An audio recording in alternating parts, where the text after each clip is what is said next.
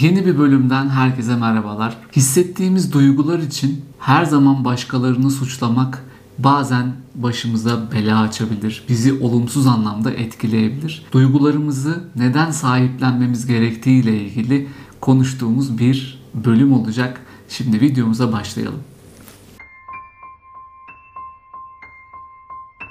Yaşadığınız problemleri her şeye rağmen çözemiyorsanız eğer açıklama kısmında olan bağlantı linklerinden veya sosyal medya hesaplarından bana ulaşabilirsiniz. Ücretsiz ön görüşme imkanımız bulunuyor. Ücretsiz ön görüşmede yaşadığınız sorunla ilgili bir değerlendirme yapıp neler yapabileceğimizi konuşabiliriz.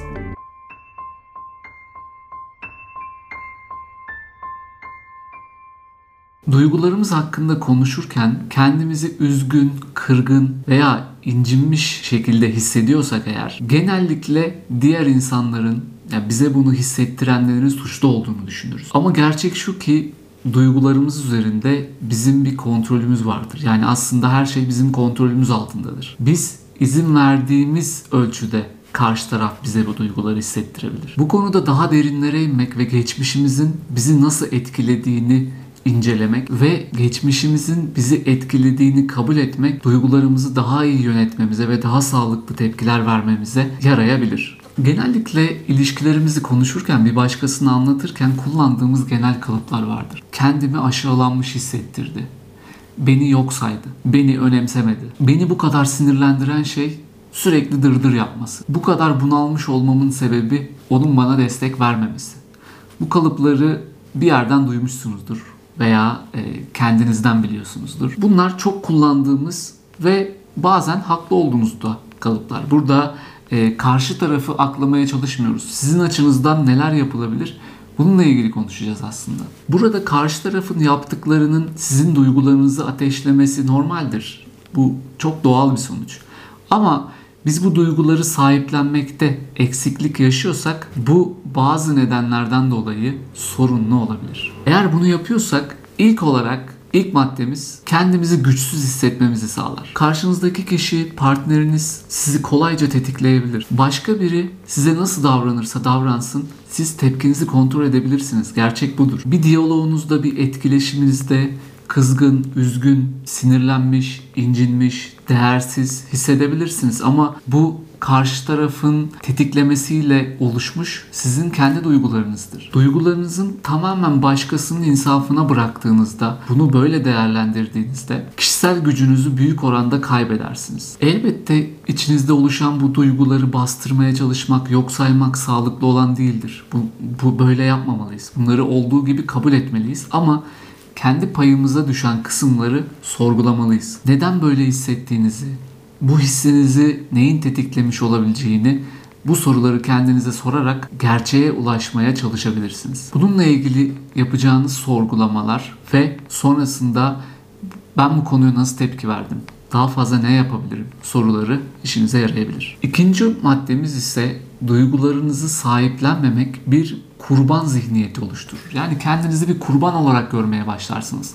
Kaderinizin başkasının elinde olduğunu düşünmek hiç de iyi hislere sebep olmaz. Eğer yaşadığınız duyguları hep dışsallaştırırsanız neden bunu hissetmiş olabileceğinizi sorgulamaktan da geri durursunuz. Bunu yapmaya gerek duymazsınız. Ve bu kurban zihniyeti, mağdur zihniyeti koşullar üzerinde çok az etkiniz olduğuna inanmanızı sağlar. Mağdur zihniyetindeki biri pasiftir. Örneğin iş yerinde belirli bir hedeflere odaklanmak yerine sadece patronlarını suçlayabilir ya da çalışma arkadaşlarını suçlayabilir. Kurban rolünü oynama genellikle çocukluk yaşantılarımıza dayanan bu mağduriyet duyguları güçsüz, çaresiz ve genellikle ebeveynlerinin insafına kalmış bir çocuğun bulunduğu durumda yaşadığı bir olayı, bir travmayı yansıtabilir. Üçüncü maddemiz duygularımızı sahiplenmemek olayları derinlemesine incelememizi engeller. Daha derinlere gitmemizi engeller. En büyük duygusal tepkilerimiz genellikle hep geçmişle alakalıdır. Ama bizim bu kendi kendimizi engellememiz oraları hatırlamamıza, oralara ulaşmamıza